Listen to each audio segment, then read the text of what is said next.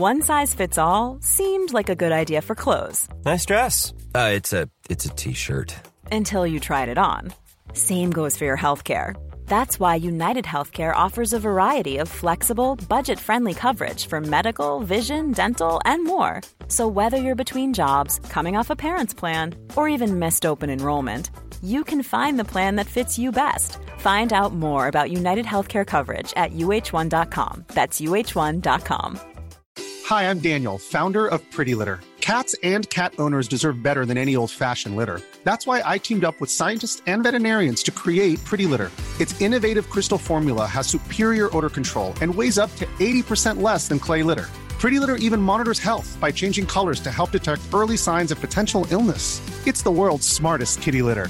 Go to prettylitter.com and use code ACAST for 20% off your first order and a free cat toy. Terms and conditions apply. See site for details.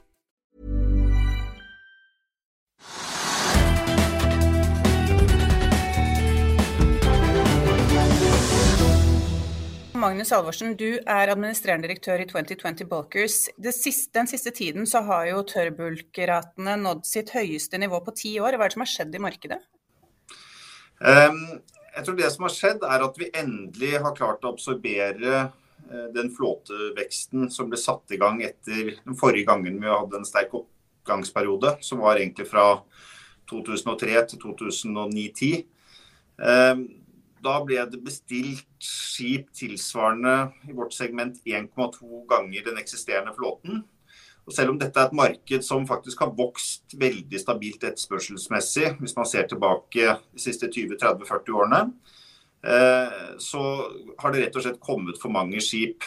Eh, nå er jo situasjonen en helt annen, og vi har kanskje den mest interessante situasjonen på tilbudssiden i tøllast som man har sett noen gang. Man må nok tilbake til midten av 80-tallet før du eh, så en situasjon lik i dag, hvor antall skip i bestilling kun er eh, tilsvarende 5-6% av den eksisterende flåten.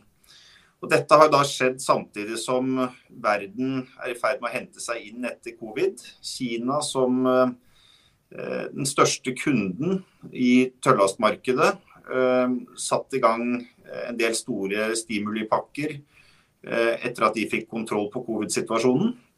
Vi ser jo resten av verden har det også blitt annonsert vesentlige infrastrukturpakker. Og Det er denne kombinasjonen at etterspørselen kommer tilbake, samtidig som det er veldig veldig begrenset flåtevekst de neste årene, som gjør at markedet i dag som du sier, er på det høyeste nivået man har sett på, på over ti år.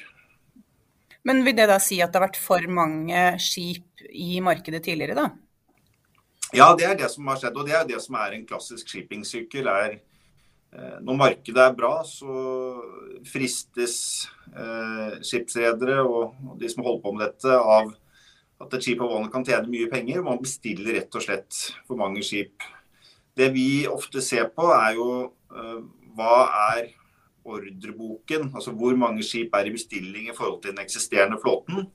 Det er det tallet jeg nevnte for deg, som i i 2009-2010 var på et nivå på 120% Så det vil si For hver Capesize som var på vannet, så var det 1,2 bestilling som ville komme over de neste to til tre årene. Og Det er den situasjonen som er helt snudd på hodet i dag. Og eh, jeg tror det er veldig sannsynlig at vi kommer i en situasjon hvor det eh, er så få skip at kundene er nødt til å betale opp for frakten. Og Det er jo det man allerede nå ser i dag, hvor ratene er såpass gode som de er. Men hva er det som vil prege utviklingen fremover? Altså, du nevnte jo selvfølgelig at uh, man er i ferd med å hente seg inn etter pandemien. Men er det andre ting som kan uh, løfte, løfte, utviklingen videre? Um, ja, det, det, blir tilbake med dette med at tilbudsveksten er så lav. Vet du, hvis du ser på shipping, så uh, er etterspørselssiden mer stabil enn det man skulle tro når man ser på volatiliteten. Altså hvor mye verdiene på skip og hvor mye verdiene på, eh, på rater går opp og ned.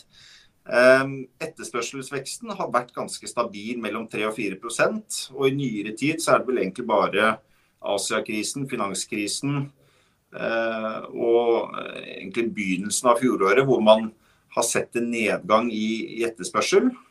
Så, så, det at etterspørselen kommer tilbake på et mer normalt nivå, samtidig som, som jeg tror vi kan komme til et nivå over trend, egentlig. Vi har, disse stimulansepakkene som ble annonsert i Kina, som sannsynligvis kommer til å ha en effekt på ståletterspørselen de neste ett til to årene.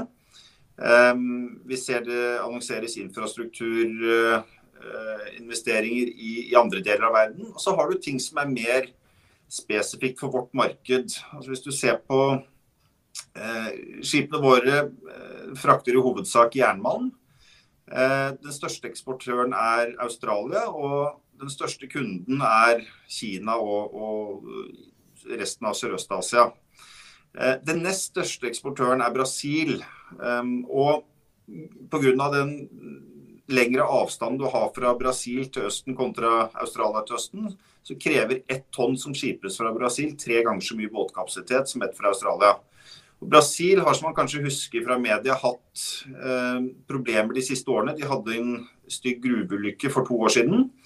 Og den har begrenset hvor mye malm de har klart å eksportere de siste to årene grunnet reparasjoner og vedlikehold. Og I fjor fikk de i tillegg på denne tiden av året den verste regnsesongen på over 100 år, som gjorde at eksportvolumene var veldig lave. Det vi ser nå er at Brasil kommer sterkt tilbake. Det er en vekst i hele markedet, men Brasil er opp 15% eksportmessig år over år. Og det er med på å hjelpe dette markedet. Og, det som gjør at det er grunn for å være optimistisk fremover, er Vale, som da er Brasils største malmprodusent og står for 90 av produksjonen eh, der, eh, har ambisjoner om å øke Eh, produksjonen sin ganske betydelig over de neste årene. Eh, de produserte 68 millioner tonn i første kvartal i år. Hvis man ser på hva de eh, sikter på for året, så skulle de i snitt komme opp på 85 millioner tonn i andre, tredje og fjerde kvartal. Så har de en målsetning i løpet av 2022 til å komme et sted mellom 400 og 450 millioner tonn. Så gitt at de klarer å nå sine mål, gitt at etterspørselen er der som vi tror, så kommer det til å ha en veldig positiv eh, impact på det vi kaller tonnmiletterspørselen. Så er det jo andre ting som skjer også i shipping. og Det er jo en, en grønn bølge uh, der også. og Der ser vi at IMO, som er et FN-organ som i realiteten regulerer alt som skjer i internasjonal shipping, har som en del av sin målsetning om å redusere CO2-utslipp fra hele den globale skipsflåten nå foreslått og ser ut til å implementere eh, noe de kaller for EEXI, som kommer i 2023. Ehm, det EEXI i realiteten betyr, er at det er en begrensning på hvor mye CO2 et skip har lov å slippe ut per tonn vare det transporterer. Det det vil bety i realiteten, er at Eh, en veldig stor del av flåten må sette ned farten. Setter man ned farten, så krymper jo tilbudssiden. Og det blir det samme som om det skulle vært færre skip tilgjengelig for å frakte varene. Men vi ser også at det er en del skip som eh, selv ved å sette ned farten eller å gjøre andre tiltak for å, for å bedre eh, sine utslipp, ikke vil kunne oppnå disse målene i det hele tatt. Og Det vil jo kunne føre til en tidligere utfasing av noen eldre skip. Og vi, vi ser jo skip bygget med mindre designet er veldig bra. Eh, I Kina så nylig som 2010-2011. Eh, med andre ord skip som er 10-11 år gamle i dag, vil være 12 år gamle i, i 2023. Som vil ha problemer med å nå disse målene. Hvis man ser at noen av disse må skrapes, så er det ganske dramatisk. For typisk lever et tørrlastskip mellom um, eh, 20 og 25 år.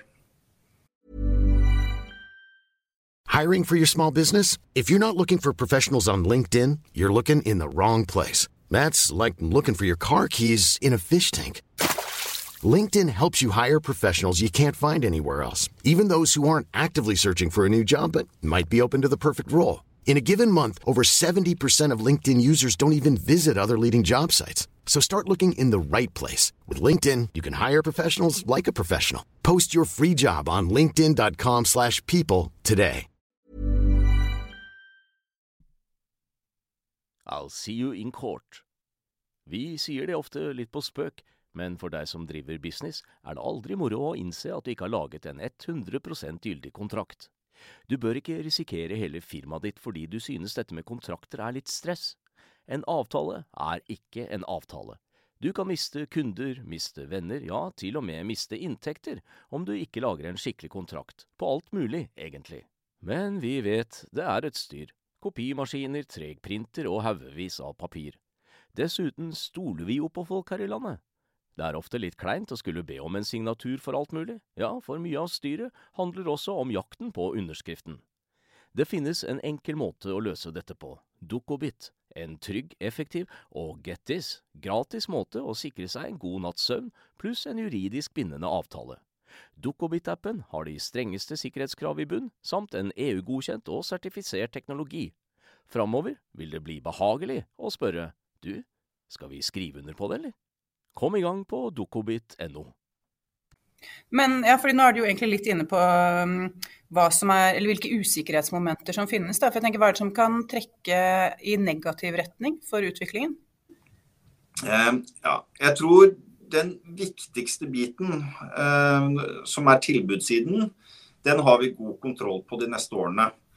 Eh, man vet stort sett hva verftskapasiteten er, og det som har skjedd de siste månedene, er at konteinerindustrien har satt i gang en av historiens største eh, bølge av nybestillinger. Det gjør at kapasiteten til verftene for å bygge andre typer skip, inkludert vår type skip, tørrlastbåter, eh, er veldig lav i årene fremover. Så eh, hvis man skulle gått ut i dag og begynt å kontrahere Newcastle-mark som vi har, eller Cape Size, så er det i realiteten veldig liten kapasitet tilgjengelig før 2024. Det er klart, Blir markedet veldig bra, så er det jo eh, nærliggende å tro at man på et eller annet tidspunkt vil bestille for mange skip igjen. Men, men vi, vi, føler oss ganske trygge på at ikke det vil skje de neste årene. Bare gitt hva en kapasitet man ser der. Så tror jeg andre ting som kan gå galt, er jo selvfølgelig hvis, hvis Brasil skulle få store problemer igjen eh, med eksporten sin. Eh, så, så, vil jo det på marginalen slå negativt. Og så er man jo også sårbar overfor, eh, overfor Kina, som eh, er den største forbrukeren eh, av, av stål i verden. Eh, dersom ting skulle stoppe opp der, så, så vil jo det ha negativ innvirkning på etterspørselen. Eh, men vi tror nok at det er mer effekt igjen i de stimulansepakkene som ble satt i gang i fjor, og at, at man vil se en veldig robust etterspørselsside ett til to år. Eh, kinesiske myndigheter har jo over en ganske lang periode nå snakket om å begrense stålproduksjonen eh, for å slå ned på forurensning. Men det vi ser er at det er det motsatte som faktisk skjer kinesiske stålbyrået de rapporterer tall hver tiende dag. Og den siste perioden de rapporterte, som var til og med eh, den 20. april, var den høyeste produksjonen i en tidagersperiode man har sett noen gang. Så, så foreløpig så ser det ut som det er eh, full fart fremover. Men det vil jo da si at det virker som du er ganske optimistisk med hensyn til eh, fremtiden. og eh, Eh, selv om det er positivt selvfølgelig for dere at det er en tilbudsside som ikke er for stor, da, er, har dere nok skip til å dekke inn hvis det slår til, det du ser for deg kan slå til, da, med tanke på produksjonen? Ja, For oss så handler det jo ikke om antall skip, men det handler på hvordan de skipene vi, vi har er posisjonert. Eh, og Vi har posisjonert oss for et sterkt marked i år. Vi har åtte skip eh, hvor vi har låst inn to av de på en rate på 27 200 per dag, pluss en, en skrubberpremie eh, som vi får ut året. Um, jeg kan jo nevne at vi har en break-even-rate, dvs. Si det vi trenger per dag for å dekke alle administrasjonskostnader, driftskostnader og gjeldskostnader, er ca. 14 500 per dag.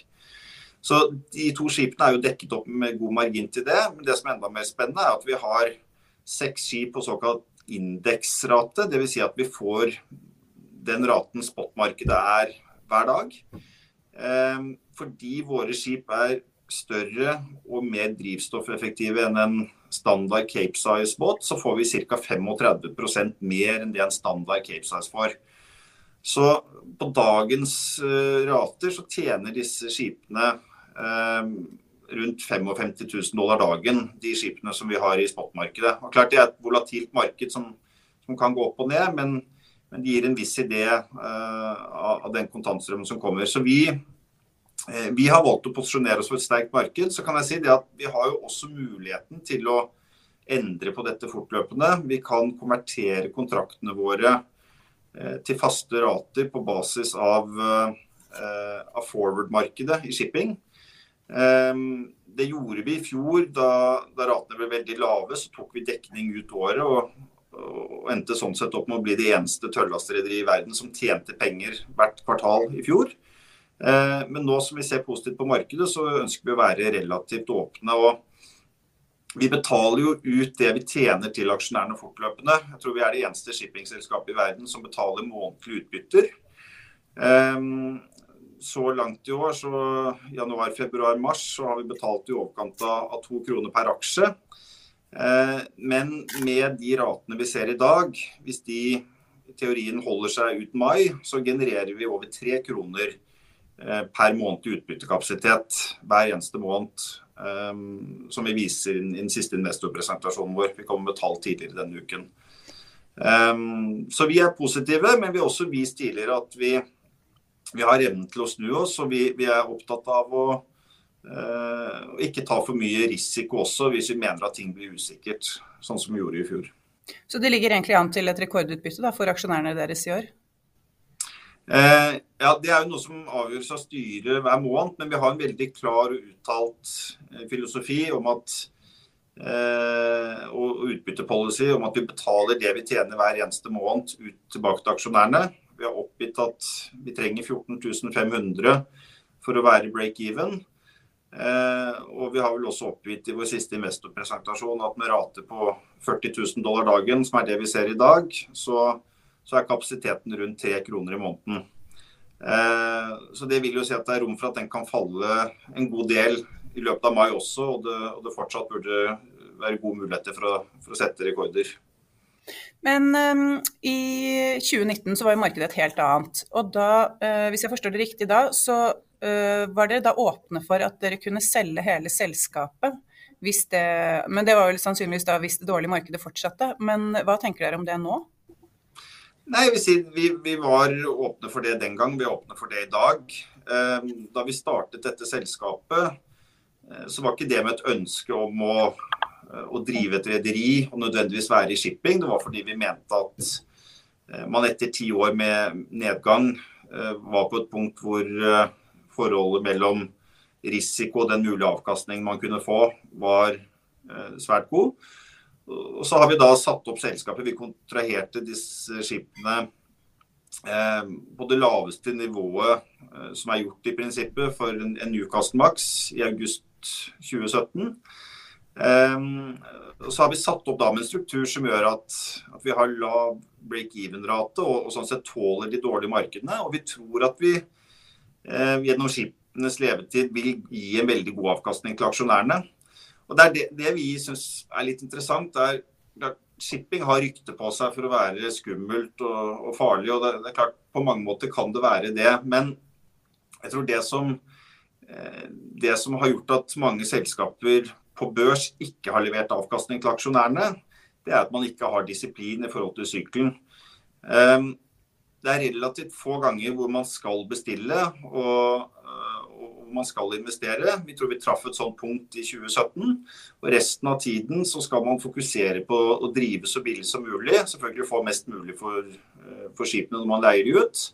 Eh, og det har over tid gitt en god avkastning. Eh, så Vi satt da vi kontraherte nå og så hva, hva var egentlig situasjonen på forrige bunn i 2002. Da var jo, det har selvfølgelig vært inflasjon i verden og verdiene var litt lavere. Da kostet det ca. 35 millioner å, å bestille en Cape Size. Det skipet frem til i dag ville ha gitt en kontantstrøm på over 200 millioner dollar hvis du hadde eh, tradet det i markedet. Og den dagen det er skrap, så er det verdt en, en, en 12 millioner dollar. Eh, så ser man samtidig at i samme perioden så har nesten alle børsnoterte rederier vært restrukturert. Eh, I hvert fall én, men gjerne flere ganger. Og det er jo ikke fordi markedet er et dårlig marked å være i, men det er fordi man etter hvert som eh, raten har blitt bedre og verdien har steget, så, så, er bankene der og er villige til å låne deg mer penger. og Etter hvert kommer aksjemarkedet og vil deg penger for å bestille nye skip. Så øker man risikoen, fordi det ser så bra ut akkurat her og nå. Um, så jeg tror for oss så er det mye viktigere å og tenke på å høste den investeringen vi gjorde da. Og vi, og vi, tror at vi kommer til å gi bra avkastning via utbytte. Men kommer det noen og vil kjøpe én eller alle båtene en, en, dag på et nivå hvor, hvor, vi mener det er det beste, så selger vi. vi. Vi har ikke noe ønske om å være i shipping eller noe mål om at vi må drive et tøllastrederi til evig tid. Vi har heller ikke noe mål om at det må være så og så stort. Vi, vi, tenker egentlig kun på avkastning og prøver å få den tilbake til aksjonærene så fort som mulig. Så så lenge det går bra, så er det greit å, å ikke bli solgt, da? Eller ikke ja. ja. men det kan gå bra, og så kommer det noen og gir deg tilbud om å selge som er enda bedre, og da får man heller selge. Så det trenger ikke å gå dårlig for at man skal selge. Det er kanskje heller tvert imot. Ja. Når markedet blir bra, så fungerer verden litt omvendt av hva den burde gjøre. Men da, da har folk en tendens til å vil betale mer, og bankene vil låne ut litt mer, og det er mulig for flere å kjøpe. Så det er når, du, når, du, når inntjeningen er lav og ingen andre liker det, det er jo da man egentlig skal skal investere, så får man prøve å høste de årene som kommer etterpå. Men du nevnte jo dette med eh, et grønt skifte også innen shipping. og I Finansavisen denne uken så uttalte jo da Jon Fredriksen at hans selskap skal gå i front i det grønne skiftet innen shipping. Eh, hvordan vil dere gjøre den eh, omstillingen? Vi følger jo med på de tingene vi kan gjøre i forhold til våre skip. Det er klart Nå har jo vi skip som utslippsmessig Eh, slipper ut eh, Brenner eh, drivstoff tilsvarende og derfor også slipper ut CO2 ca. 20% mindre enn det en gjennomsnitts Cape Size. Og så er det hva kan man gjøre for å redusere det ytterligere. Et alternativ som det eksperimenteres med, og som jeg, som jeg hører du refererer til der, det er at man ser på biofuel. Men det er klart, det er ikke allment tilgjengelig Eh, og et, og, et, alternativ som man kan forholde seg til enda. Det er mulig det kommer. Eh, men da er man egentlig litt tilbake også til en av de tingene som gjør at, at tilbudssiden kommer til å være begrenset de neste årene. Jeg tror hele verden ser at det trengs et skifte. Eh, men man har ikke blitt enige om hva fremtidens drivstoff er. Jeg tror det mest nærliggende er LNG hvor du kan bestille skip i dag. Eh, og hvor du har en viss besparelse på, på drivstoffet som, eh, som, forsvarer den ekstrainvesteringen. Eh, da reduserer du i forhold til våre skip CO2-utslipp med ca. 20 eh, Men så er det jo spørsmål hvor langt frem man skal se. Det er jo enkelte som har nullutslippsvisjoner for shipping også. Er det da grønn ammoniakk? Det eksperimenteres tro det eller ei, med, eh, med, noe som ligner på seil, og få det tilbake på skip. Men det er all denne usikkerheten som gjør at, eh, at, folk vegrer seg for å bestille, og som jeg tror kommer til å begrense tilbudsveksten. Så vi har i hvert fall, hvis man hadde basert på tradisjonell eh, fremdrift og fuel, de mest effektive skipene som er på vann i dag. Og så følger vi med på om det er små eller større ting som, som man kan gjøre. Eh, men vi har jo ingen intensjoner om å bestille nye skip i dette selskapet. Dette er et utbytteselskap. Det er et selskap som skal gi en avkastning hver måned, forhåpentligvis, til aksjonærene. Og, hvis vi hadde begynt å ta inn penger nå og bestilt skip som ikke er på vannet før om eh, to til tre år, så hadde man vannet ut den utbyttekapasiteten. Um, men så er det vel kanskje så, også vanskelig for dere å bestille noe nå hvis man ikke vet helt hva som blir fremtidens drivstoff, da? Ja, det, det, er jo en, en, utfordring. Jeg tror at LNG kommer til å spille en rolle i mange år um, som, som, en viktig fuel. Men det er klart, skal man til nullutslipp, som man snakker om, så ligger det langt, langt frem. Uh, og Da blir det den avveiningen. Skal man, være, skal man øke eksponeringen nå mot noe man vet er litt midlertidig, eller skal man, skal man vente til man har det, det klare svaret på hva, hva fremtiden bringer? Uh, men jeg tror som sagt at LNG-skip vil nok kunne spille en, en viktig rolle i i, veldig mange år. Um, men det er jo også begrensninger. Det er én ting som gjør at det bestilles lite. Men det er jo også mindre finansiering tilgjengelig enn det har vært historisk. Så de tradisjonelle shippingbankene, eh, mange av de i Skandinavia, eh, har jo mindre shippingbøker nå enn de hadde.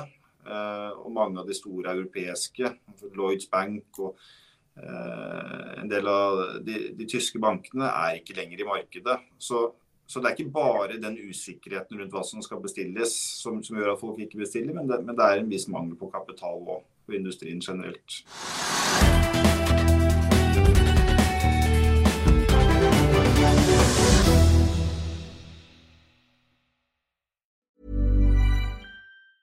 Hi, I'm Daniel, founder of Pretty Litter. Did you know cats tend to hide symptoms of sickness and pain? I learned this the hard way after losing my cat, Gingy. So I created Pretty Litter, a health monitoring litter that helps detect early signs of illness by changing colors, saving you money and potentially your cat's life. Pretty Litter is veterinarian developed, and it's the easiest way to keep tabs on your fur baby's health right at home. Go to prettylitter.com and use code ACAST for 20% off your first order and a free cat toy. Terms and conditions apply. See site for details. Sick of being upsold at gyms? My guy, you're currently a base member. For $90 more, I can upgrade you to our Shred membership. For 130 more, you'll be a Swole member. And for just $300 more, you'll reach Sweat Platinum. At Planet Fitness, you'll get energy without the upsell. Never pushy, always free fitness training and equipment for every workout. It's fitness that fits your budget. Join Planet Fitness for just $1 down and $10 a month. Cancel anytime. Deal ends Friday, May 10th. See Home Club for details. Økonominyhetene er en podkast fra Finansavisen. Programledere er Marius Lorentzen, Stein Ove Haugen og Benedikte Storm Bamvik. Produsenter er Lars Brenden Skram og Bashar Johar. Og ansvarlig redaktør er Trygve Hegnar.